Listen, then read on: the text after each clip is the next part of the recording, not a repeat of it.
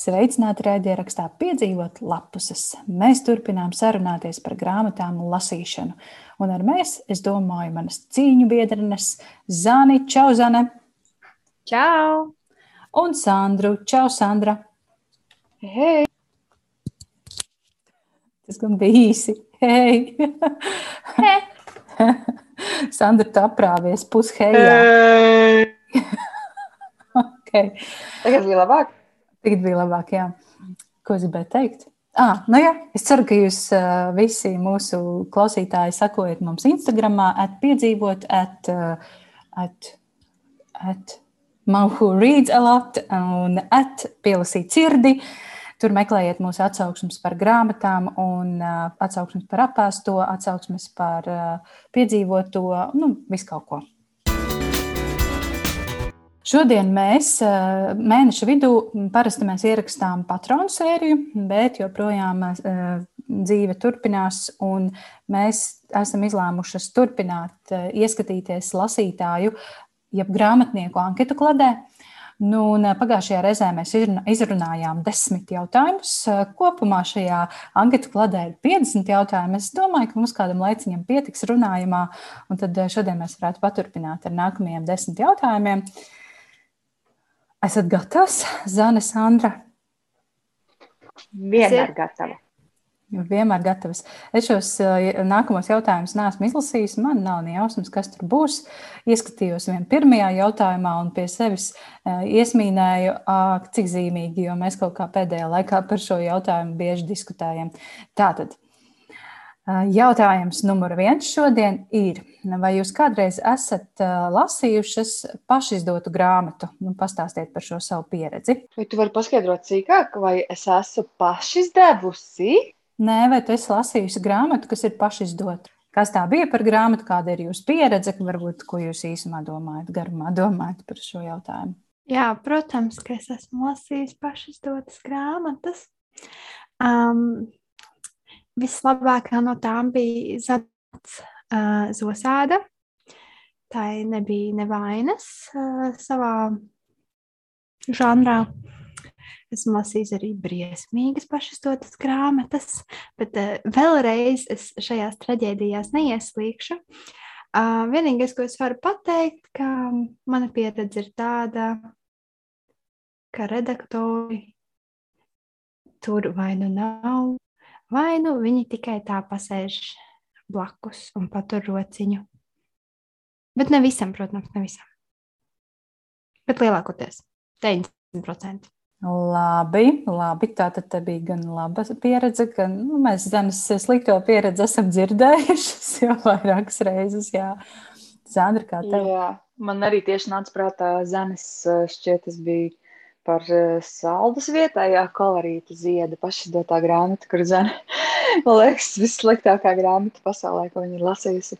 Es esmu lasījusi, man pirmais arī, kas nāca prātā, ir Zanē nāca, tāpēc, ka pēdējā laikā viņai, nu, arvien vairāk grāmatas uh, parādās, bet tieši šodien izlasīju, kad viņa vairs negrib izdot pati, un nezinu, kas būs tālāk, vai viņi vēlas sadarboties, vai, vai kā viņi savādāk to domāja. Bet, nu, katrā ziņā redzēsim nākotnē, kas būs. Un, jā, es esmu lasījusi vēl pāris. Pirmkārt, jau šķiet, arī Fuji 171. man šķiet, ir pašizdots nav nu, ar nekā, nec ar kādām izdevniecībām, un tā ir vienkārši lieliska grāmata. Kaut gan tur, protams, arī pietrūkst redaktora, bet uh, tas nav tā, ka tu, teiksim, nespēji lasīt vai nespēji domu saprast, bet uh, tur arī, acīm redzot, ir bijis tas koncepts. Par to vienmēr var strīdēties, vai uh, tas apjoms arī, ko grāmatās, kurās ir bijuši neskaitāmi redaktori, citreiz vai nevajag sa saīsināt viņus uz pusi. Es visas grāmatas uz pusi gribētu saīsināt. Uh, bet uh, par sliktākiem gadījumiem uh, es nevaru teikt, uh, ka es varu konkrēti nosaukt sliktu gadījumu. Es laikam vienkārši nemaz nelasu tādas grāmatas. Bet uh, pašizdotām grāmatām, jā, pārsvarā pietrūkst uh, tā profesionālā slīpējuma.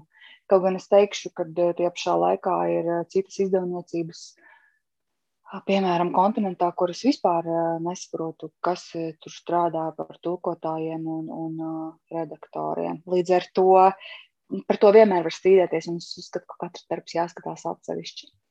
Jā, nu, tas, ko es no savas puses varu vien piemetināt, skaidrs ir viens. Nu, nav tāda autora šīs pasaules, kurš rakstītu grāmatu ar domu, un nu, es tagad ņemšu un uzrakstīšu vienu sūdīgu, es atvainojos par izteicienu grāmatu, nu, tādu, ka nu, pašu sliktāko. Visi jau raksta no sirds, pēc labākās sirdsapziņas.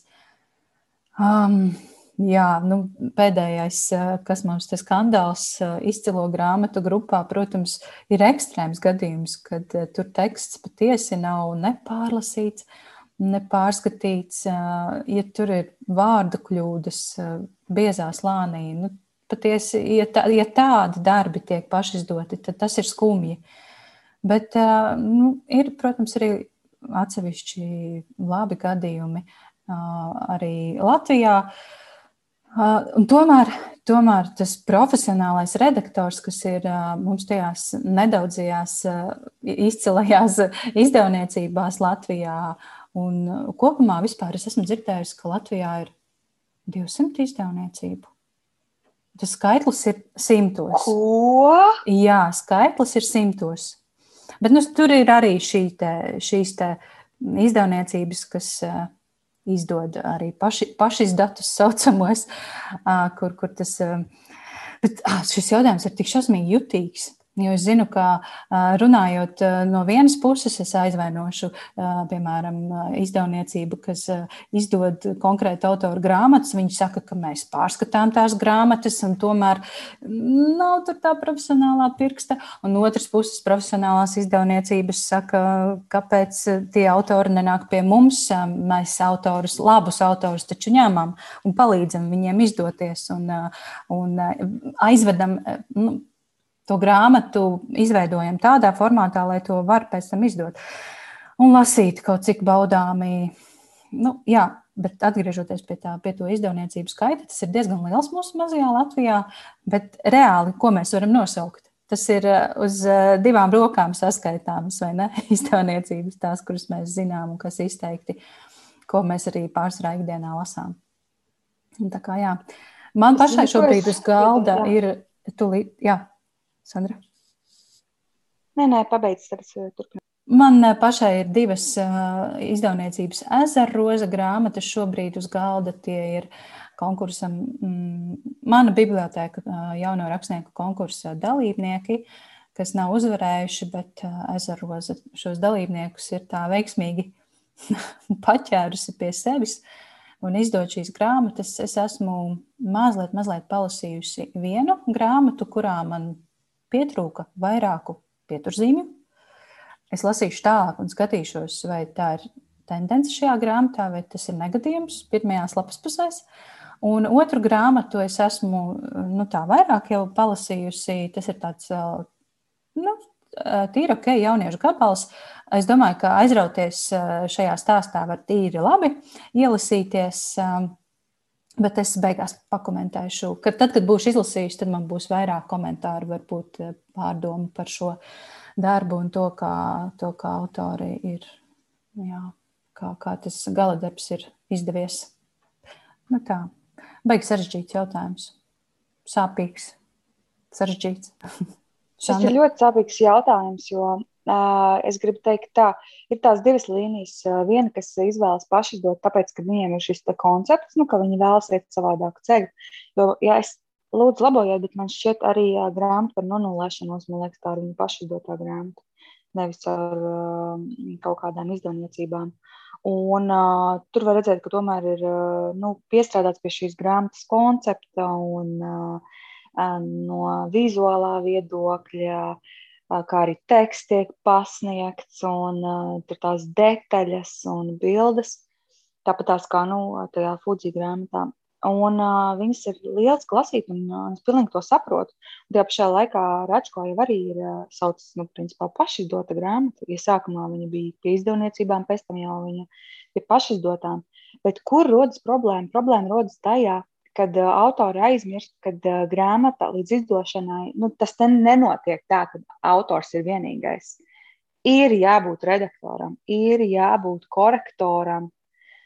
Tam, tas ir komandas darbs. Tas ir kā, es nezinu, tu uzcēl māju, bet tu neņem arhitektu, tu neņem dizaineru, un tu, tu pēc tam brīnies, ka uh, nu, mēs taču visi mākam rakstīt, un man ir tā ideja. Un, kad cilvēks aizmirst, ka tomēr, lai novestu līdz galam, kādam ir jāiet profesionāli tam cauri. Man šķiet, ka tā problēma ir tāda, ka cilvēki vēlas tā samazināt izmaksas un kategoriski atsakās no šī, nu, teikti, izmaksu dēļ, un otrām kārtām varbūt viņi arī nezina, kur to speciālistus meklē. Teiksim, tie, kas ir tādi profesionāli, kas strādā izdevniecībās, nu, visdrīzāk, ka, ka viņiem nemaz nebūs laika tur uh, iet cauri kaut kādiem uh, nu, mistiskiem, mistiskiem, mistiskām grāmatām. Jā, nu otra problēma Latvijā ir tā, ka šis redaktora un korektora darbs ir ārkārtīgi zemu atalgots. Un patiesībā tie labie redaktori un izcilie korektori, nu, man gribētos teikt, ka tā ir izmirstoša suga. Un tas arī ir diezgan draudīgi. Tā kā, jā, ir par tu, ko Piemēram, padomāt. Aija ir potenciālāk uh, grāmatu redaktori, kurai varētu iedot, lai viņi iziet cauri viņas pāris kļūdām. Es mm. nezinātu, piemēram, pie kā griezties. Ja man būtu tagad sava grāmata jāiedod izvērtēšanai.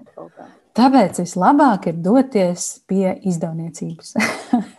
Un, uh, tur tad izdevniecībā ir vesela komanda, kas jā, palīdzēs ar, gan ar uh, grāmatas teksta korģēšanu, gan, gan varbūt salikt pareizos uzsvarus, uh, paņemt daļu tekstu laukā un pateikt, klau, nu šito nevajag, uh, neraksti tik daudz par to vienu līniju, bet uh, atstāja, atstāja brīvu vietu elpot, atstāja lasītājiem iztēlē kādu vietu, neraksti, ne, neliec viņam visu mutē.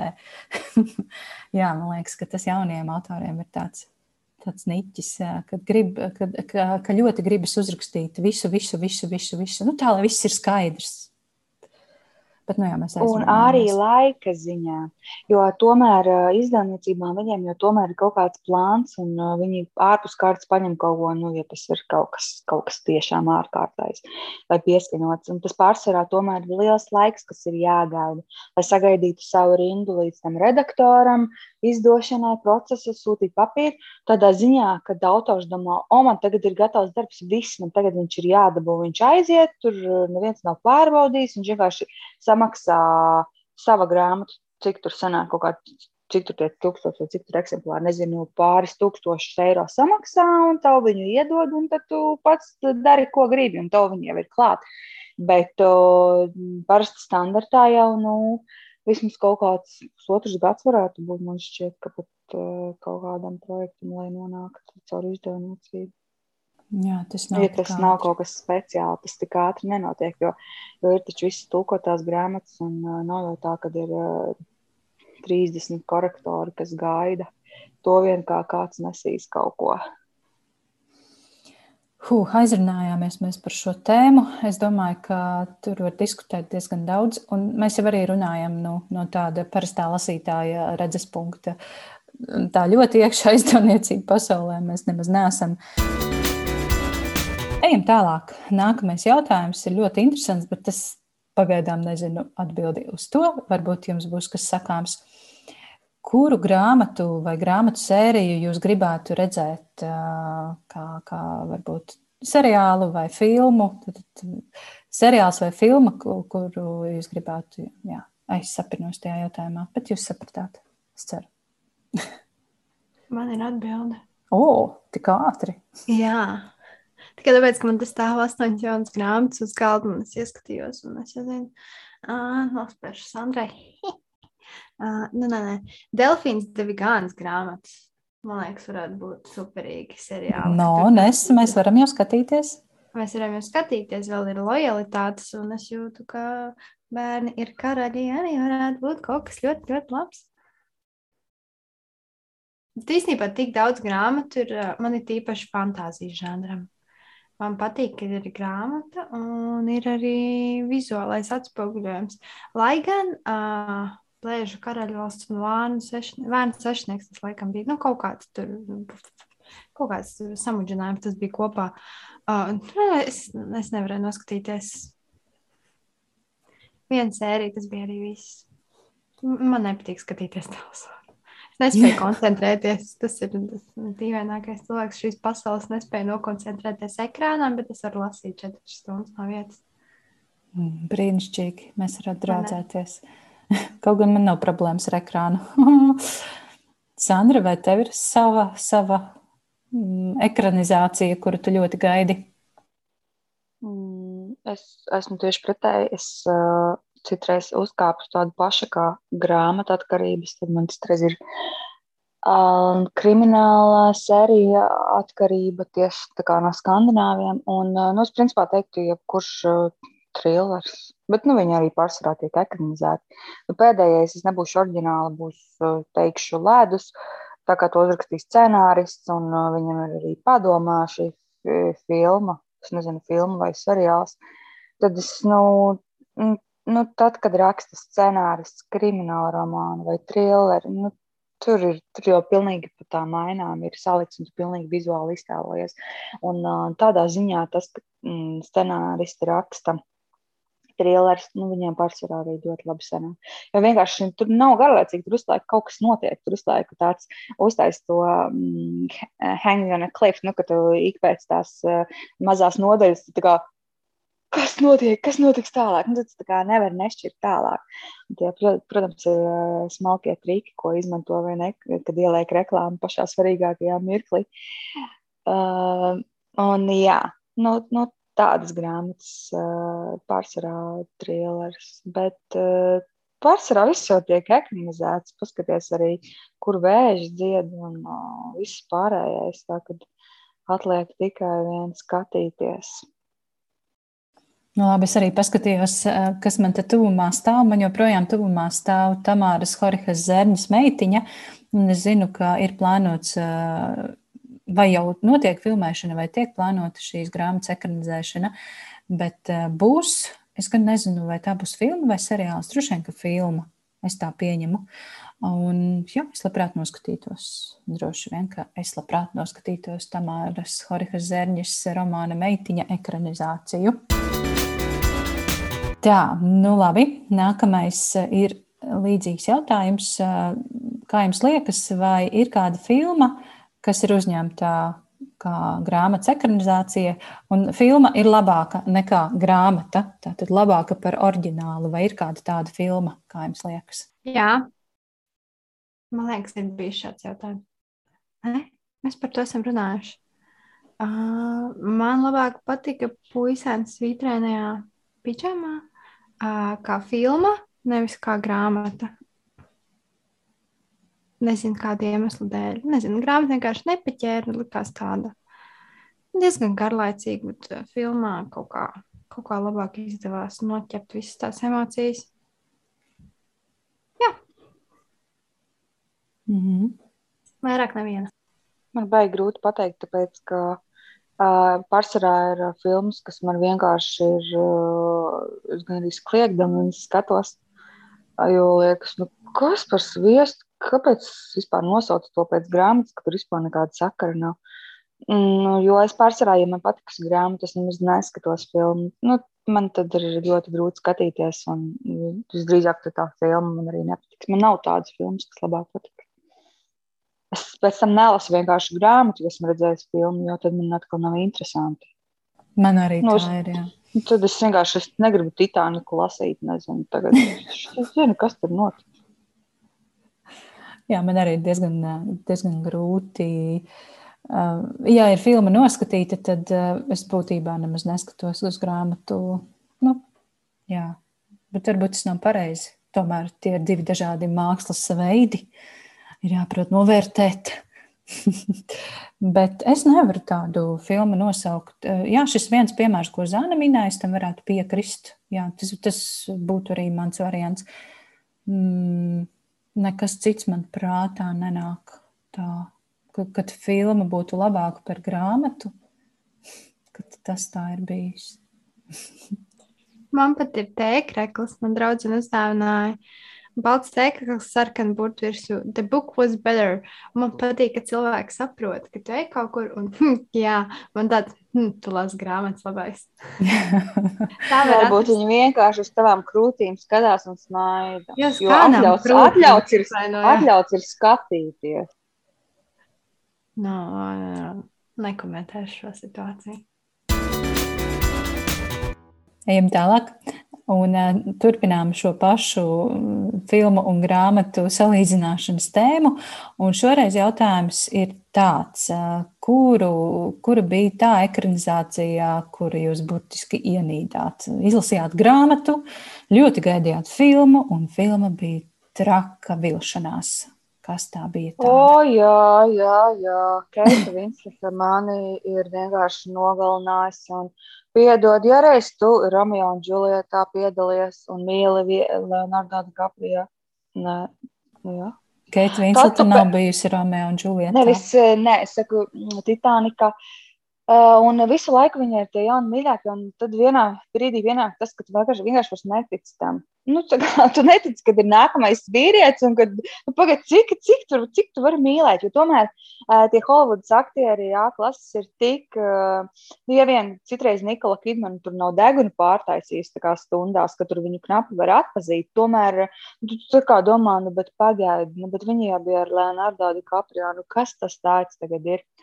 Un vienmēr sakot, uh, grāmatu, kas man tiešām patika, jo tajā grāmatā nu, es viņu kā lubeni nenolasīju. Man tiešām likās interesanti, varbūt tas piedzīvojums ir kauns starp mums. Tas ir it kā šabloniski un liekas tāds uh, panējums stāsts par autoavāriju, kad ir divi cilvēki. Bet, nu, tā, kā es saku, nu, izlasiet to grāmatu līdz galam. Nu, tur, ir, tur ir tāds, tāds āķis. Un tad bija filmas ekranizācija, kuras nevienā mirklī nenoticēju, ka vispār nu, nu, tas bija kaut kāds murgs. Es, es viņu pat, man liekas, knapi izvilku līdz beigām. Es čortojos un domāju, nu, kā var tā sabojāt filmu. Un vēl viena filma, kur Keita Vinsleta pēc grāmatas man izbojāja visas manas domas, bija um, ārprāts, ārprāts, uh, priekšlasītājs. Jo vienkārši nu, ir tādas, tad, kad tu lasi to grāmatu, un es viņu lasīju, es viņu, es viņu iztēlojos kaut kādus tos mistiskos tēlus, un es tur raudāju, un es pārdzīvoju, man tur bija šoka moments.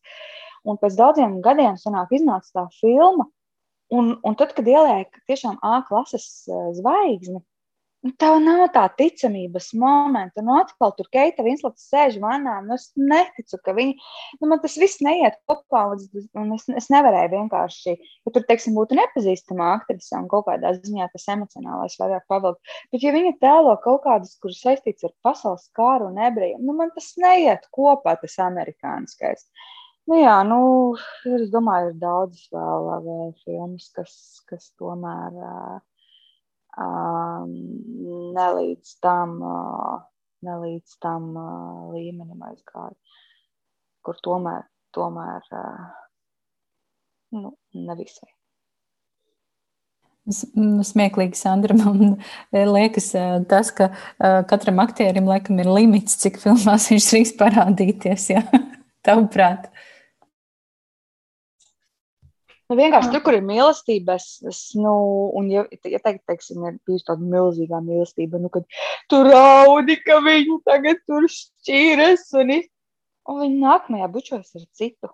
Un tas ir tā, kā es vienkārši tam neticu. Tu jūties piekrāptajam. Piečakarēt, totāli. tas ir interesanti. Tas ir tiešām interesanti. Zana, vai tev ir kāda šādas, vai šādas sajūtas, emocijas tev ir?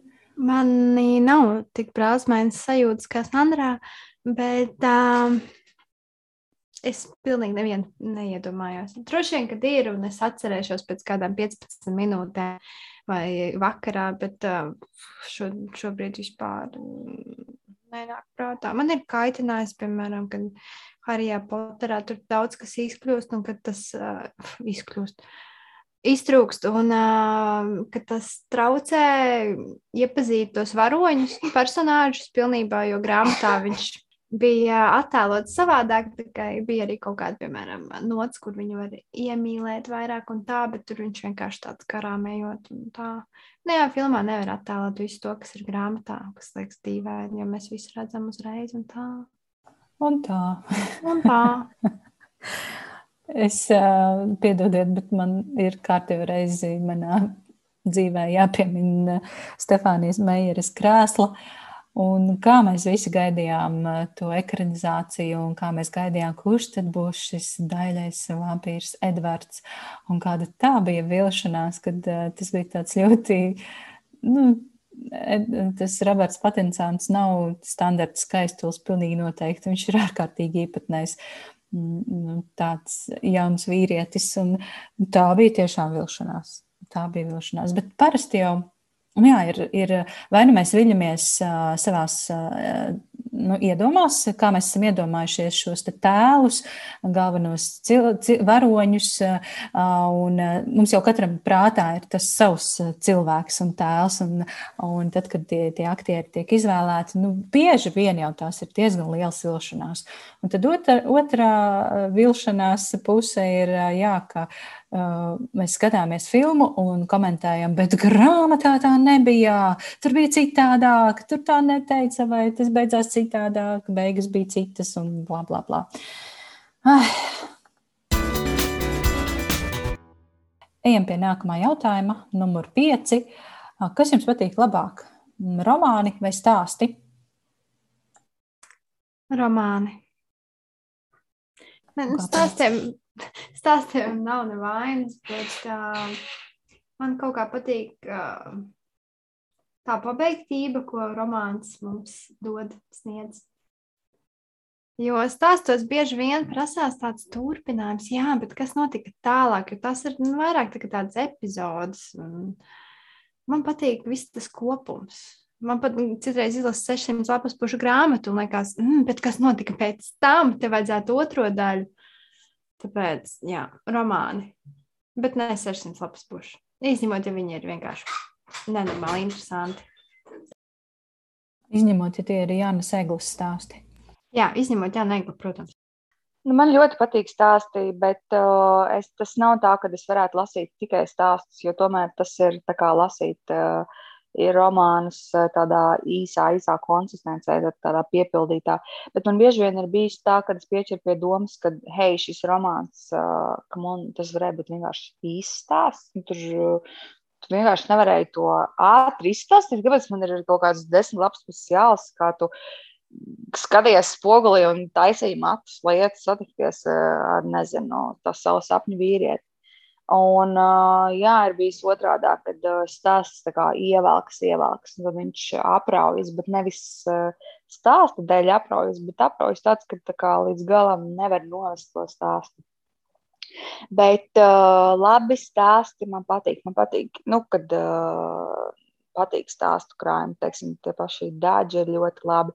Bet uh, nu, viņus tā vajag tiešām uh, salīdzinoši reti, jo, jo pārsvarā, ja viņi ir intensīvi, tad nu, viņi, viņi arī kā, izlasot vairākus romānus, arī kā, iebliež labi pa galvu.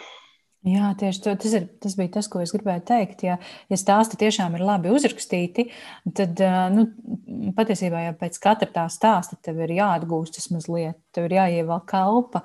Un, būtībā vienā grāmatā var izlasīt septiņus īsus romāniņus. tas, tas, tas varbūt vairāk laika aizņem, vairāk pārdomu, vairāk tavu kaut kādu iekšējo garīgo resursu, šādu stāstu lasīšanu. Piemēram, Jānis Eglis stāstus, tas nezinu, tas varētu būt diezgan intensīvs process izlasīt vienā vakarā. Nu, labi, nevar jau vienā vakarā izlasīt, bet, nu, pāris dienās lasīt, lasīt, lasīt tikai Jānu Eglī, tad, tad tur ir diezgan, diezgan smagi. Jo, piemēram, ir daudz stāstu krājumu, kurus izlasīju, un nu, tur īstenībā nekas nepaliek prātā. Bet, piemēram, pirms daudziem, daudziem gadiem es lasīju Zemes ar pienu. Tas vēl bija pirms Jānis Eglis, un tas bija Guna Roza. Man visu laiku prātā nāk viens viņai tāds stāsts ir Tāds druskuļi tāds, tāds tiešām um, biedējošs un šokējošs. Un es visu laiku, kā, kad es iedomājos par stāstiem, man visu laiku ir prātā tā skaistā sarkanā grāmata ar tām zemenēm. Un, un tad tas stāsts, es negribu neko atklāt, es vispār ieteiktu izlasīt to stāstu krājumu, jo jā, tas vēl bija tāds pirms Jānis Eglis laiks, bet viņa, viņai arī ir labi stāsti. Un tā, ka no stāstiem nevajag baidīties, vienkārši vajag atrast pareizos stāstus. Jo, kā mēs zinām, ir viens stāstu krājums ar kaķīti, ronīti vai bebrīti, kur, kur, kurš varēja arī nebūt stāstu krājums. Nu, tas, ko es gribēju vēl piemetināt, atcaucoties uz tevis stāstīto par zemenēm un pienu, un patiesībā arī uz nu, pat pieminēto. Mm, Jāņa, Jāņa tīģeri. Nav jā, jācer un jāgaida, ka ik viens stāsts stāstu krājumā būs tavējais. Nu, stāstu krājums tāpēc ir stāstu krājums, ka tas, nu, tas, no nu, tā var paņemt kaut ko sev. Kaut kas tiešām var palikt uz mūžiem, tevi iekodēts. Tas viens stāsts šajā stāstu krājumā var palikt atmiņā gadiem. Man, piemēram, arī no tā paša tīģera ir viens stāsts ļoti palicis prātā. Uh, vai, vai vēl kaut kas no Jānis Eglis vai no Lauras Vinogradovas stāstiem, ko vēl es domāju, es pēdējos gados esmu lasījusi. Kaut gan droši vien, ka stāstu krājuma autori teiktu pretējo, jo iespējams, ka viņi cer, ka katrs stāstu krājums ir kā tāds veselums un, un kā vesels kopums. Un tas būtu labi, ja mēs kā lasītāji atcerētos kopumu. Es nezinu jārunā varbūt ar kādu stāstu krājuma autoru par šo. Kas jūs piesaista grāmatai, jaunai grāmatai? Kā jūs to izvēlaties? Pēc vāka, pēc apraksta, varbūt pēc kāda ieteikuma, kas ir jūsu tie kritēriji? Sandra jau ir izlasījusi angliski, un tad saka, ka ir labi, un tad ir jāizlasa latviski. Um, un vākam jābūt piesaistošam. Tas man agrāk bija ļoti izšķiroši. Es bibliotekā nekad neņēmu neglītas grāmatas, atvainojos, vai ar nepiesaistošiem vākiem. Piemēram, es nekad dzīvē agrāk nebūtu ņēmusi vīrs, kas zināja čūsku vārdus, jo man tas vārks vienkārši nepiesaista. Bet šobrīd es esmu gudrāks cilvēks, un es zinu, ka tā būs laba grāmata. Bet uh, vēl par kritērijām ne visi bestselleri ir labi, bet uh, dar citreiz arī tādus palasīt, jo tur arī viss kaut kas labs atklājās. Kā arī, nu jā, lielākoties citu atsauksmes. Jā, nu ir uh, vairāki veidi, kā es izvēlos grāmatas, jo tas ir atkarīgs, uh, kuras es izvēlos. Ja es eju uz biblioteku, man bieži vien ir uh, tāds, nezinu, niķis, es vienkārši eju no viena grāmatu plaukta, vienkārši viss pēc kārtas grāmatas kā veru vaļā. Nu, kā, nu, līdz pusē izvelku, kas ir 45 grādos. Un skatos, kas man piesaistīs uzmanību. Tad pirmais ir vizuālais. Tik līdz man uh, iepatīkas grāmata, man liekas, nu, šis kaut kas tāds jocīgs un tam līdzīgi. Tad es uh, lasu uzreiz aprakstu, un uh, tas kaut kāds nu, pāris sekundēs uzreiz var pateikt, man piesaist vai nē.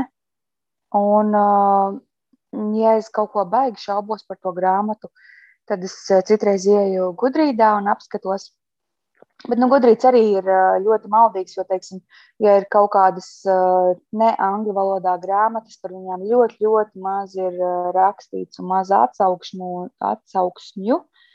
Līdz ar to nu, tā pilnīgi paļauties uz to nevar. Ja es meklēju internetā, nu, kas ir pārsvarā angliski, tad es skatos vienas pēc otras, nu, tas ir kaut kādos uh, portālos, teiksim, ja autoram ir bijis, kas man patīk, tad es skatos, kas ir līdzīgas citu autoru vai to pašu autoru. Ja man pārsvarā arī ir tāds, ja man paticis ir kāda autora darbs, tad es, tad es meklēju viņam citas grāmatas. Es esmu tiešām tā, kas meklē. Kad man patīk Lisa Sī, tad es, tad es viņai meklēju angļu valodā un, un, un, un viņas citas grāmatas. Un tad, tad līdz ar to meklējot to nākamo grāmatu, tu atrodi kaut ko līdzīgu. Un tā tas iet, bet vēl, vien, vēl viens, kā es izvēlos, ir, es skatos arī, kas notiek citos tirgos, piemēram, Lietuvā, un tur es ļoti daudz ko atrodu savai gaumei, un gandrīz raudāt gribas kādas grāmatas ir iztulkotas. Un, Jā, nu es, es, es vienmēr izpētu, kas ir jaunumi Lietuvā, jo tad es arī redzu nu, tirgu. Un no audio grāmatām es arī tur ir tā iespēja, citreiz, ja tev patikas tā grāmata, viņi piedāvā kaut ko citādāku, un tā, tā tu meklē tos autors. Bet bibliotekā tas ir tāds, citreiz es esmu pavadījusi vairāk kā stundu, vienkārši pēc kārtas visas grāmatas ņemot un skatoties, jo senās grāmatas tu īsti nekur atrast nevari, nu, teiksim, tā kā gudrībās, pat nezinu, vai viņas visas ir, bet, teiksim, no senākām, vai tu tur gribi kaut kādu japāņu grāmatu dabūt un redzēt, nu, tā vienkārši viņas izpēc kārtas ir jāņem un jāskatās. Un tās esmu ļoti, ļoti daudz grāmatas atradusi. Jums nav tā, ka jums jau ir izstrādājies kaut kāds tāds, nu, tāda kā intuīcija, kā nojauta, kura būs jūsu grāmata, kas jums, nu, 90% noteikti patiks. Nu, ir tas pats vizuālais, jo kaut kādā ziņā tas īpatnējais jau bieži vien arī tajā vizuālā, vizuālajā attēlojas. Bet es tīpat daudz esmu vīlusies, jo tas apraksts it kā liekas ļoti daudzsološi, bet izpildījums nesaklikš, nezinu, ar manām domām. Tā ka tas nav viennozīmīgi. Man liekas, ka man, man ir kaut kāda tāda iekšējā sajūta, kur man uh, bieži vien jāsaka, sakrīt ar realitāti. Un viens no pēdējiem, uh, kaut gan tas nav pēdējais, tā bija ar Katju un Kikimoru, kuras uh, ieraudzīju vāku, ieraudzīju, ieskatījos grāmatas aprakstā, kas viņiem, nu, izdevniecības Pētergēls Facebook lapā bija ielikts. Un es zināju, ka šo noteikti gribu izlasīt. Un, uh, Tā bija jā, viena no spēcīgākajām grāmatām pagājušajā gadā. Man liekas, ka es pat nosaucu to par savu gada grāmatu beigās. Un, un tā bieži man gadās. Man tas patīk. Bet jā, mums jau katram ir sava gaume un savs iekšējais radars. Huh. Mm, ko jūs no klasikas pēdējā laikā esat lasījušas? Ko jūs vispār domājat par klasiku? Uzam, Mēs jau visus tos spoku stāstus lasījām kārtīgo klasiku no zemes repertuāra. Lovecraftiņš. Ups. Uh, izņemot Lovecraftu, pēdējā laikā es esmu lasījusi. Kur tā mikrofons? Šeit, atvainojos. Uh, izņemot Lovecraftu, pēdējā laikā esmu lasījis, man liekas, absolūti neko. Manas attiecības ar klasiku ir, uh, tas ir sarežģīti. Mēs, mūsu ceļi īpaši nekrustojās, izņemot, ja tā ir obligātā literatūra kādā no kursiem, kas nu ir beigušies, tāpēc varbūt kādā citā dzīvē. Pārāk daudz grāmatu iznāk. Iznāk tikai divas grāmatas mēnesīs, lasīt klasiku, bet nu, es vienkārši nespēju visu izlasīt. Man ir ļoti līdzīgi, jo pēdējā laikā tā grāmatu apjoms ir tik daudz salīdzinot ar to manu spēju lasīt. Un tur nav runa par to, ka es nespēju izlasīt tās, tās jaunās, bet nu, pašlaik vienkārši saistībā ar notikumiem Ukrajinā un uh, mentālo stāvokli un pašsajūtu. Nu, tas ir sarežģīti lasīt. Un, uh, līdz ar to līdz klasikai es neesmu pieķērusies. Man ir kaut kādi. Kaut kādas vēlmes, uh, no, piemēram, vai to pašu Rebeku izlasīt, Bet uh, pret klasiku, kas attiecos, uh, man patīk lasīt. Uh, klasika, piemēram, man ļoti patika Tolstoja Karēņina. Uh, to gan es ļoti, ļoti sen lasīju.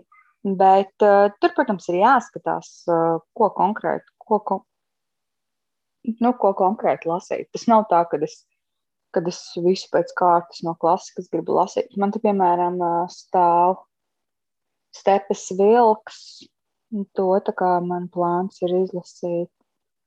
Bet, eh, nu jā, tur vajag attiecīgu noskaņojumu un tādu rimtāku un rēn, rēnāku tādu atmosfēru, kad laiks nedzem uz priekšu un darbi nedzem uz priekšu. Un tad kā ļauties uh, tam pilnīgi citiem gadsimtam un citajām domām. Bet tas pats Orvels, un, piemēram, mūsdienās lasīt Orvelu, jo tomēr es tomēr Orvelu uzskatu par tādu savā ziņā klasiku. Uh, tas taču, man liekas, ir tieši ko pašlaik lasīt. Jo kas vēl nav lasījis to pašu 1,85 vai, teiksim, zvēru fermu, un tas tik ļoti ar lielo brāli un ar pašlaik visiem, visiem, kas notiek Krievijā un visiem tiem, liekas tik, tik reāli, tik reāli un ļoti interesanti. Orvels ļoti labi raksta. Jā, es piekrītu par Orvelu. Orvels taču ir brīnišķīgs, īstais, kuru, kuru lasīt tieši tā šodien. Kaut gan es esmu tikai divas grāmatas lasījusi no Orvela. Vajadzētu vairāk, un uh, es gribētu vairāk lasīt klasikas uh, literatūru. Nu, tu Vonnegut jau klasikai pieskaiti, ja? Nu, ņemot vērā, ka ir pagājuši trīs gadi, tas ir kopš toreiz bija. Es nezinu, man liekas, man liekas jau arī Remarks tulītās skatīsies klasika un nu, Bulgākos. Nu, man šķiet, ka tie visi, kas ir jau nomiruši, viņi skatās klasika. Nē, nu, ja godīgi. noteikti. nu, bet, nu, bet tad rēķini visi tie. Uh, visi tie, visi tie rakstnieki, kas ir dzīvojuši pagājušā gadsimta, tas jau ir cits gadsimts. Uh, viņi ir miruši, un uh, nu, tas jau nav tā kā, ok, paies pieci gadi, un tagad drīkstam viņu saukt par klasiku. Kaut kādā ziņā tie ir tomēr tie darbi, kas ir atstājuši kaut kādas iezīmes par gadsimtu, par laika posmu, par cilvēkiem. Man šķiet, ka uh, Vanaguts kopā ar ir tādi riktīgi. Ja laikmeta iezīmētāji. Nē, nu, protams, par to var strīdēties, bet, nu, nu vanagots, nu, nav tā, nu, es nevaru teikt, ka tā ir pašlaik mūsdienu literatūra. Vai tā ir? Nu, man liekas, ka Vanagots ļoti labi iekļaujas arī šodienas situācijā ar savu ironiju par jā, jā, tieši pašiznīcināties. Tieši, nē, nē, tieši iekļaujas, jā, jā, bet es vienkārši domāju, ka jau vairs nav gluži no 20, 20. Ziniet, kāds man ir ieteikums? Varbūt, ka mēs, tad, kad mēs ar Zāni būsim uzrakstījuši savus maģistra darbus un mums piederēs viss pasaules laiks, ha, ha, ha, mēs varētu raidierakstā kādu klasikas izaicinājumu izvērst, katru mēnesi kaut ko no klasikas palasīt. Tas būtu forši. Tas būtu tāds piespiedu variants. Iepasīt. Jā, lūdzu, Ulis. Un, nu, nevajag jau pārspīlēt. Sāksim ar kaut ko vienkāršāku. Tā, tas būtu arī mūsu klausītājiem labs izaicinājums. Bet par to mēs domāsim. par to mēs domāsim tad, kad mēs būsim izdarījuši to, kas ir jāizdara, vai ne, Zana? Mm -hmm. Mm -hmm. Jā, Labi. Tik daudz ko darām. Labs ir pastāstīt par grāmatu, kas jūs ir, kuri jūs ir nobiedējusi, vai pēc kuras jūs esat murgojušas. Man nav tādas, nāc nekāda mīkstā. Bet nopietni, nē, īsti tādas nav. Nu, varbūt ir kaut kāda ietekme uz sapņiem, tur tu vairāk redz tādas vai tādas ainas, bet uh, es baigi nemurgoju vispār. Es sapņoju tikai labus sapnīšus. Ak, tu laimīgā. Sandra, Nē, ja neskaita zoostacijas bērnus, par ko es esmu murgojis, nu, es nevarēju atrapties trīs dienas noteikti no mūžības fjorda praviešiem. Uh, jo tur arī bija tādas ļoti vardarbīgas ainas, bet tas bija tieši par kolonizācijas laiku, un tas bija tāds, nu, tas arī reāli tā arī, nu, tā visa tā barbariskā rīcība tā arī bija.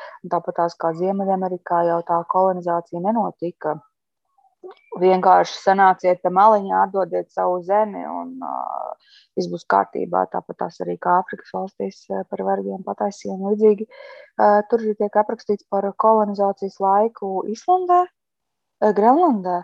Šeit, jā, uh, un uh, nu, tur tas arī viss, tā kā tur dzīvoja vietēji iedzīvotāji, ko iekarotāji uzskatīja par tādiem neattīstītiem un tad tā, tas viss, viss ļoti vardarbīgi. Arī visas tās sievietes tika pakļautas un izvarotas un, un tam līdzīgi. Um, tas tāds, tā kā tas bija ļoti pētīts darbs un, uh, un, un, un viss tas, tas asiņainā, tas diezgan, diezgan šokējoši bija, jo es nebiju neko īsti lasījusi tieši par, uh, par šo laiku posmu un par šo kolonizācijas, kolonizācijas posmu. Nu, es domāju, ka daudzas grāmatas krimināli arī citreiz Pēc sniega vīrs man nu, nerādījās murgos, bet bija ziema, un es sniega vīru nevarēju paskatīties. Es tikai līdz ieraudzīju sniega vīru, man liekas, ak, Dievs, šis ir slepkava, ir uztaisījis sniega vīru. Un, un to arī varētu teikt par tādu drusku traumējošu, jo es vairs nespēju skatīties uz sniega vīriem kā uz sniega vīriem. Un viņi liekas kā briesmoņi, tā kā klauni. Nu, tāpēc, kā, nu, ka, ziniet, tos, tos stāstu, ka saldējumā. Uh, uh, saldējuma busiņš nobrauc garām, tu jau zini, tur jau tur bērns nolaupīs. Es kā dzirdu to busiņu, es atceros ārzemēs, man jau pilnīgi sirds sāk klauvas parādījās. Ak, vai. Jā, es arī atceros sniega vīra efektu. Tas bija tāds, bet paldies Dievam, man tas diezgan ātri pārgāja. Tev, Sandra, ir saglabājusies šī sajūta par sniega vīriem? Nu, pašlaik sniega vīru nav tā, ka es par to neuztraucos. Jā. Ha, es noteikti arī varu minēt mēs zoostacijas bērni, kas bija tiešām, tiešām nu, tāda pamatīga grāmata, kas Man, man, es atceros ļoti spilgti, mēs jau iepriekšējā sarunā par to runājām. Ļoti spilgti atceros tās sajūtas, kā man bija bail šo grāmatu ņemt rokās, bet tā vilkme tomēr turpināt to lasīt bija vēl lielāka, tad tās bailes mijās ar, ar interesi un, un pēc tam jā, tā neumalīgā sajūta. Bet uh, es arī esmu diezgan uh, neumalīgi jutusies lasot Edgara Alana Po šausmu stāstus. Uh, Viņam kaut kā ļoti labi izdodas mm, jā, iedziļināties cilvēka psiholoģijā un aprakstīt tās bailes. Patiesībā viņš ir atradis tieši tās bailes, nu, no kurām cilvēki visvairāk baidās. Laikam, palikt tumšās telpās vieni, vai, vai tā ieslodzītī, ieslodzītības sajūta, un ka tas asmens tev tuvojas un tuvojas un tuvojas. Un, uh, O, tie stāsti bija tiešām baisi. Es neesmu lasījusi Stevena Kinga zvēru kapiņus, bet esmu dzirdējusi, ka arī tiem ir diezgan spēcīgs efekts. Jūs esat lasījuši? Godīgi, neesmu lasījis pilnīgi neko no Stevena Kinga, bet es varu pateikt, no kā man tiešām uh, rādījās murgi, un tā, diemžēl, no grāmatas, bet tās bija Hitchcocka filmas. Jo man ļoti, ļoti patika Hitchcocka filmas, bet viņas parasti rādīja arī kaut kādos 11. Nu, pēc Hitchcocka viņš ir vienkārši psiholoģisko trilleru nu, mākslinieks. Nu, tā vienkārši aptīta pirkstu. Ta, nu, tas ir briesmīgāk par jebkuru šausmu filmu. Nu, vienkārši Hitchcocks ir wow.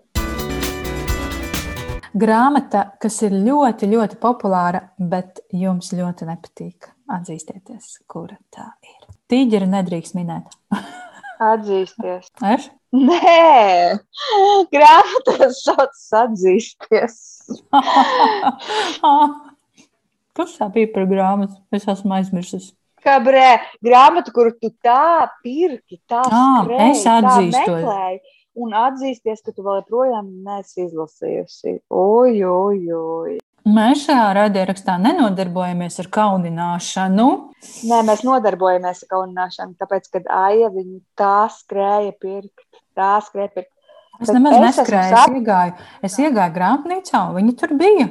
Un pirms tam es biju ja lasījusi izmisušu cilvēku saucienus, vai kāds nevar pārdot, ka brējās atzīstos, nekur nevar nopirkt. Jā. Es paņēmu un nopirku. Bet tā es esmu sapratusi, ka visas tās grāmatas, kuras esmu nopirkusi, kuras ir vairāk kā 370 lapas puses, tā viņas arī stāv plauktā. Ja vien tas nav jāizlasa tieši raidierakstā, jo arī mazliet dzīvības. Es nekad neesmu slēpusi savas problemātiskās attiecības ar biezām grāmatām. Nekad. Es atzīstos. Tu varētu lasīt, un tad plēst ārā lapas, un katru dienu tev liktos, ka Vai man nu mazāk jālasa? Nu, kā... Brīnišķīgi ideja, Sandra. Vai arī otrādi - izplēst un katru dienu nolikt pa 50 lapaņām. Un tad tev vispār liktos, wow, ir tikai 50 lapas, šito es varu palasīt. Man atņems uh, grāmatu drauga titulu. Tā, tā, tas, tā ir vardarbība pret grāmatām. Labi, Zani, vai tev ir kaut kas sakāms? Raču, ko skaitās, neskaitās. Nu, tad, uh, Kaitā. Nu, labi. Račko. Man nepatīk Račko. Nu, sākumā man patīk Račko, kad es biju nepieredzējis lasītājs. Nu, nepatika Māma, vienkārši. jūs kā šā man nākuši tikai vienā, tikai šit. Pišķīt vēlāk. Paldies, bet man neaizgāja arī procentu mūžu garumā tas par to Disney korporācijas ģenerālu direktoru. Es nezinu, nebija īstais laiks laikam. Tāpēc. Varbūt pārlasīšu. Droši vien, ka nē, kuras cenšos apmuļķot. Zana, beidz mums tu visu smuļķot. Nu, šit, šitie te variantiņi jau, ja mēs pirmajos raidījumos ticējām, kad saka, nu, nu nebija īstais laiks, nu, nu pamēģināšu pēc gada, nu, būsim Nu, Es godīgi. nelasīšu, taču nē, es labāk nagus krāsu pirmajā. Aija Ai, mūs no nākamā mēneša vairs raidījumā nepieņem, jo mēs esam sākušas izrunāties. Izrunāties esam sākušas. Jā, nepaklausīt. Nu, runājiet, runājiet. Sandra, lūdzu, ah, tu jau pateici savu, es atzīstos. Ok, labi. Es tā noteikti ir. Es vienīgais, kas man pirmais nāk prātā, ir eh, Bariko. Ah, Bet es esmu lasījis tikai vienu grāmatu joprojām, tas ir Mr. Gvints. Tiešām man nekāja pie sirds tā grāmata. Viņš gan ir lielisks ar to, ka raksta ļoti plānas grāmatas, par to es esmu ļoti pateicīga. Bet uh, es ne līdz galam saprotu šo sajūsmu par Bariko. Es uh, jā, nesaprotu, kas tur tāds ir. Sandra. Jā, mēs varam parunāt par uh, Gavaldu šo pašu tēmu. Tā kā, ja mēs nevēlamies iet vienā tēmā, tad neejam otrā. Nē, bet uh, es, Nē, es, nu, tiešām, nē, es pagaidi, tiešām vēlētos, lai tu izlasi arī kaut ko citu, jo Bariko ir pilnīgi, pilnīgi dažādas uh, grāmatas un tā kā dažādi stili. Uh, nu, man grūti šo komentēt, jo man personiski tas pat nav saistīts ar pašreizējo, jo es Bariko jau lasu, jau cik jau senāk, es no universitātes laikā jau lasīju Bariko. Un toreiz uh, man bija tikai viena draudzene, kas nu, īsti zināja, kas ir Bariko. un Viņš tā nebija populārs, tāpat kā Murakami. Un, un uh, man viņš tiešām aizskāra līdz ir dziļumiem, cik viņš uh, māk uh, rakstīt. Tā kā nu, tā, tā talantīgi, ka tev tiešām liekas, ka tu kā ieej viņa tajā domu pasaulē. Bet tas jau nav tā, ka man visas grāmatas vienlīdz labi patīk. Man, piemēram, tā līgava nu, nesevišķi patika, bet, piemēram, no vecākām grāmatām Stikla pils un uh, pati jaunākā grāmata, kas tulkota ir par, uh, par pianistu, ir uh, kaut kas tāds maģisks. Sandra, tava grāmata par pianistu ir pie manis. Stāv izlasāmo, tuvākajā laikā izlasāmo grāmatu kaudzītē. Tikai tā kaudzītē, nu, tā grāmata jau tur stāv kādus mēnešus, vismaz trīs vairāk. Ļoti Trīs man šķiet no pagājušās vasaras. Mm, vasara diez vai. Varbūt, nē, vasara diez vai. Nē, ziemā, decembrī, man liekas, ka tu man atsūtīji viņu. Nu, vienmēr sakot, ilgi stāv, ļoti ilgi stāv. Bet eh, nu, es izlasīšu. Nav tā, ka man uh, ir tāda baigi noraidoša attieksme pret Bariko. Es tikai nesaprotu, kāpēc, kāpēc man nepatika. Jā, kas, kas, un es nesaprotu arī, kas tur ir tāds tik lielisks. Bet varbūt tā otrā grāmata man kaut ko palīdzēs sakārtot. Tā, nu labi, nu tad pēdējais jautājums. No otras puses, paraugāmies uz grāmatām, kuras tiek uzskatītas par briesmīgām, bet jums klusībā tās ļoti, ļoti patīk. Tā var būt viena grāmata, varbūt tas ir kaut kāds žanrs vai jā, varbūt vairākas grāmatas. Nu, es te jau atkārtošos uzreiz eh, mūžības pravieši. Ļoti maz to grāmatu lasījuši pirmām kārtām, tāpēc, viņa ir ļoti bieza. Ja tu nesi vienīgā, kas nelasa biezas grāmatas vai bīstās no viņām. Uh, tie, kas ir lasījuši šķiet uz rokas pirkstiem, var saskaitīt, kuri spēja viņu pavilkt, jo viņa ir tāda, viņa ir tāda smagnēja, viņa sākumā jāielasās. Nu, Es viņu izlasīju kaut kādās divās dienās, jo nu, viņi ir sarežģīti. Pirmkārt, tie vārdi, nu, tāpēc, ka uh, tiem skandināviem ir visi tie, tie jocīgie vārdi vēl, vēl senatnē. Bet nu, tad, kad viņi ievelk, nu, tur ir kaut kas tāds, tāds vēsturiskais un, uh, un tāds reāli barbariskais un tāds raw. Nu, viņa ir, viņa ir tāda reāli uzplēsta. Man viņa tik ļoti aizrauga, kad es pēc tam skatījos pētīt to autoru.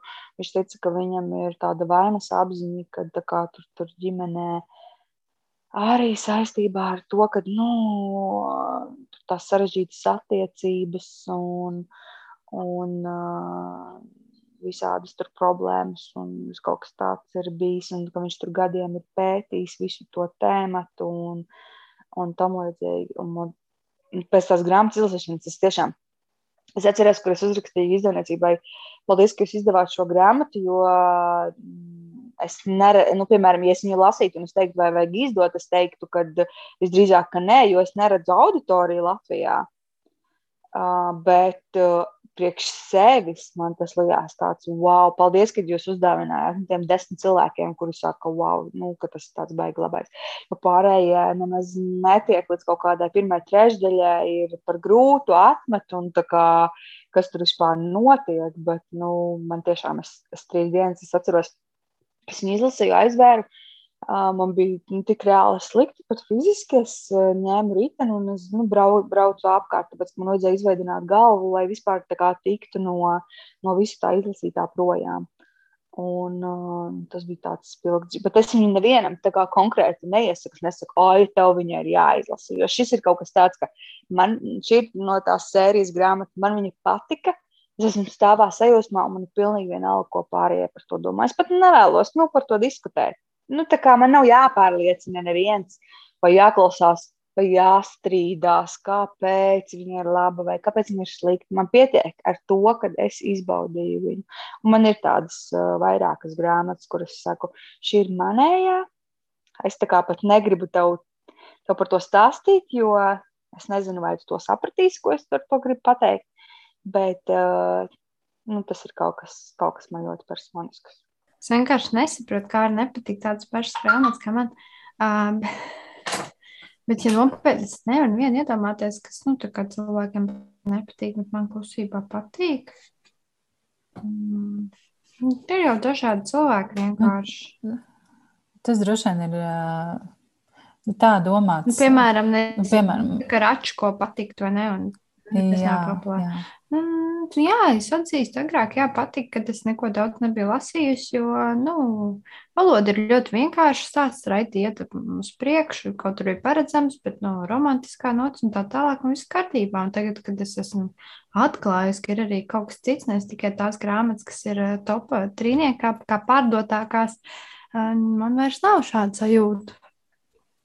Tā jā, man patika vilku meitene, bet citiem nepatika. Kā? Kā? Mums visām patika. Nu, jums, jūs esat savādāk. Mēs neskaitāmies porši. Jūs skaitāties. Visi skaitās. Tā grāmata man arī skaitās. Tā Visi skaitās. Virtuāli. Skaitāmies visi. Es domāju, ka Zana, tev ir tāds grāmatas vienkārši.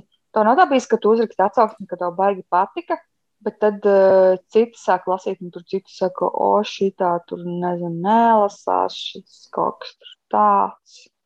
Es nerunāju par mums, uz mums neskaties. Mēs, uh, laikam, esam bišķi jocīgs. Man tā bija runa Lašku, kad Sandra pateica, nu tā nevisai. What? Uh, es nezinu, īsti vajag. Nē.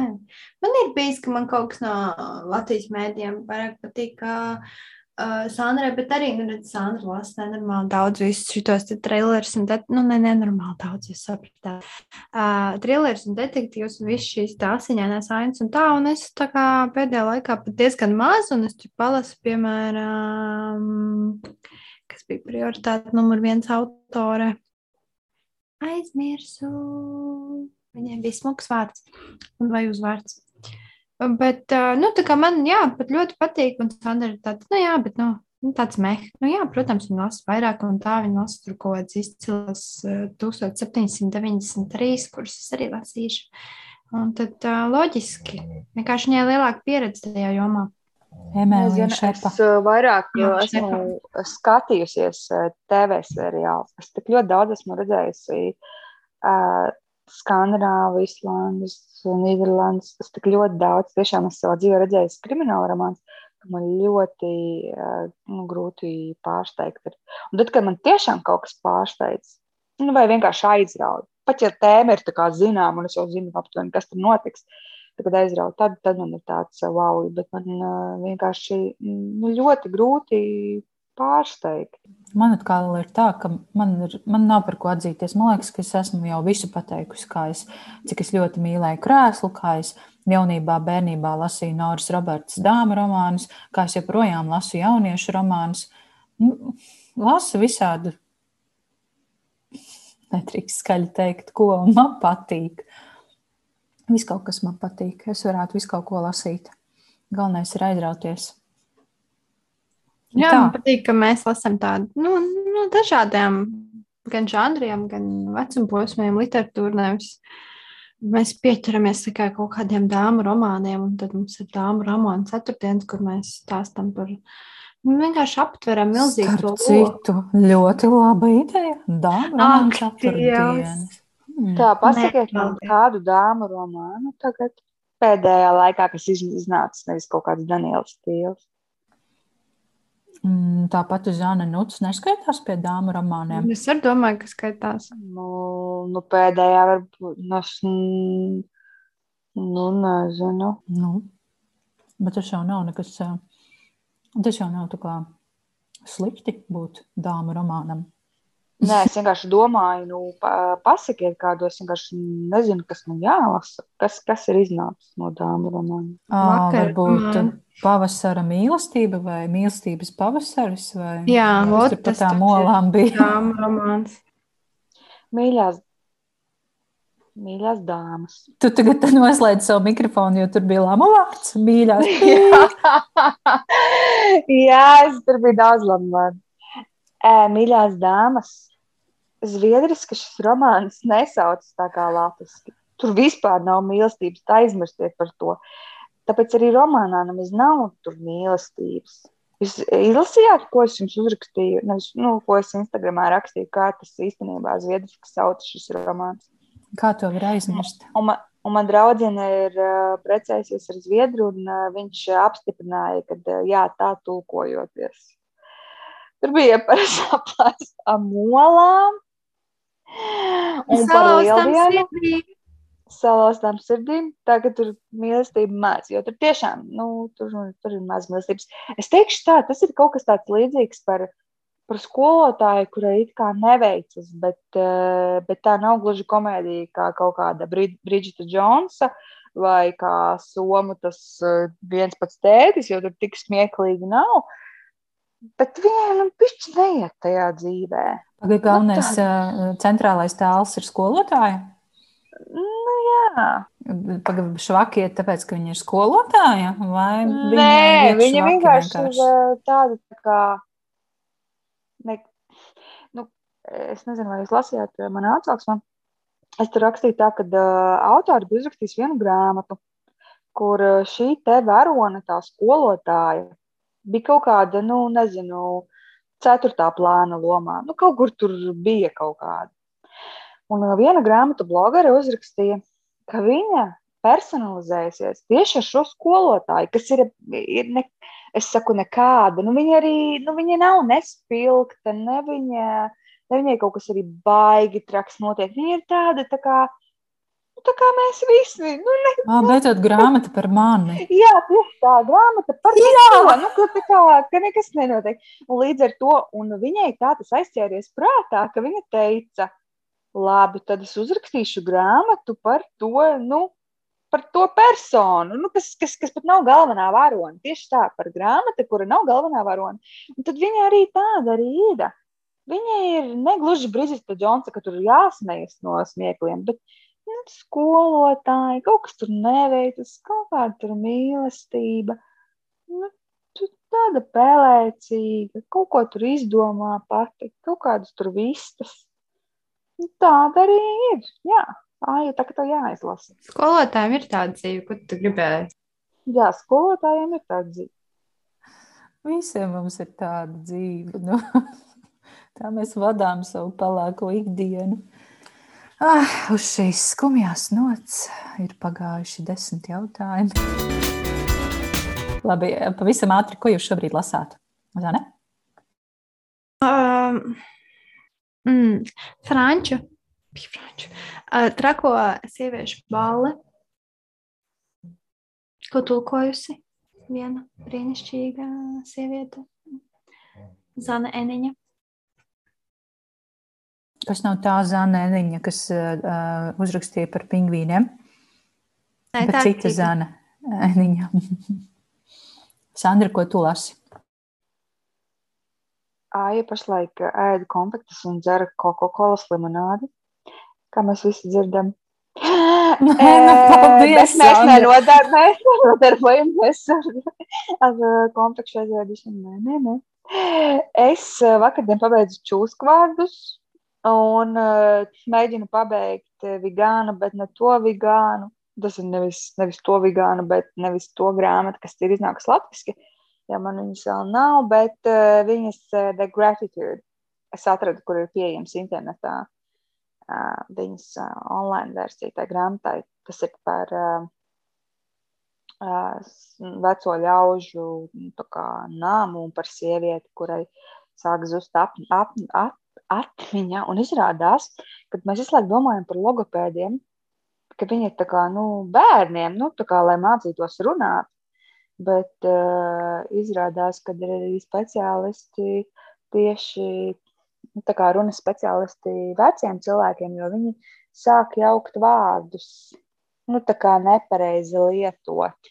Un ceļš angļu valodā, kur tie vārdi kā līdzīgi izklausās, bet ar citu nozīmi, tad, tad arī šādu tāds, tāds, tāds interesants aspekts šajā grāmatā parādās, bet es neesmu izlasījis līdz beigām. Un es lasu Meldrs Vītols, pareizās izvēles un citas muļķības jauno rakstnieku konkursa dalībnieks. Šo konkursu organizēja mana bibliotēka, un izdevējs šai grāmatai ir Ezerrozes grāmatas. Esmu, jā, es cenšos no šīs grāmatas neko daudz negaidīt. Ceru, ka es nebūšu dusmīga pēc izlasīšanas. Man patīk, ka saka, mana biblioteka, jo, jo tiešām tā kā strādā bibliotekā, tad liekas, ka tā ir. Es arī biblioteka. to nodomāju. Jā, bet vajag atcerēties, ka tā nav tava biblioteka, bet tā ir tikai tava biblioteka. Mm -hmm, mm -hmm. Nē, mana biblioteka šo konkursu neorganizēja. Ah, bet organizēja mana biblioteka. Šausmas baigies ļoti. Labi, Zana, Sandra. Paldies par šo sarunu. Un mēs tiksimies šādā pašā sastāvā arī pēc pāris nedēļām, kad runāsim par aprīlī izlasīto un arī par mūsu mēneša grāmatu. Tā ir Henrikas Andersonas gabaliņš dvēseles. Mēs visus jau to esam izlasījuši. Lasītāji, nē, bet klausītāji, ja tu gadījumā arī vēlies iesaistīties mūsu mēneša grāmatas lasīšanā, tad vienīgais, kas tev ir jāizdara, ir jādabū grāmata un jāizlasa tā, un jāuzraksta mums kāda ziņa. Vai nu Instagramā, privātā vēstulē, vai ierakstot kādu atsauksmi par šo grāmatu un atzīmējot uh, mani, Sandru vai, vai Zani vai visas mūsu trīs. Un, uh, jā, mēs ļoti priecāsimies, ja mēs saņemsim arī tavas pārdomas par Henrikas Andersonas gabaliņu dvēseles.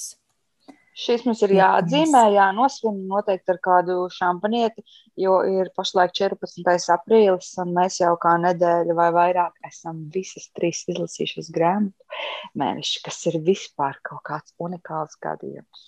Jā, bet man tā būs jāpārlasa, jo es neko vairs neatceros. Es arī. Labi, gan visu atceros. Fenomenāla atmiņa tev, Sandra, ir ņemot vērā to stāvokli. Gā... Man ir bijis. Es neatceros, kas bija tavā stāvoklī. Labi, Sandrai, tad būs solo raidieraksts pēc pāris nedēļām. Kur man ir jāatstāsta samarī par grāmatu? Mm -hmm. Mēs tev uzdosim maģiskus jautājumus, atšķirsim random lapas pusi un pajautāsim, un ko tad teica? Nē, nocitē. Pat neatceros, nocitē. kas teica. Ak, Dievs! Luka. Tiešām Luka. Tā nebija cita grāmata. Lociņš un cīpoliņš. Ak, vai viss slēdz ārā mikrofonu jums abām? Čau, klausītāji! Čau, Zanda! Čau, Sandra! Tā! Čau! Jā.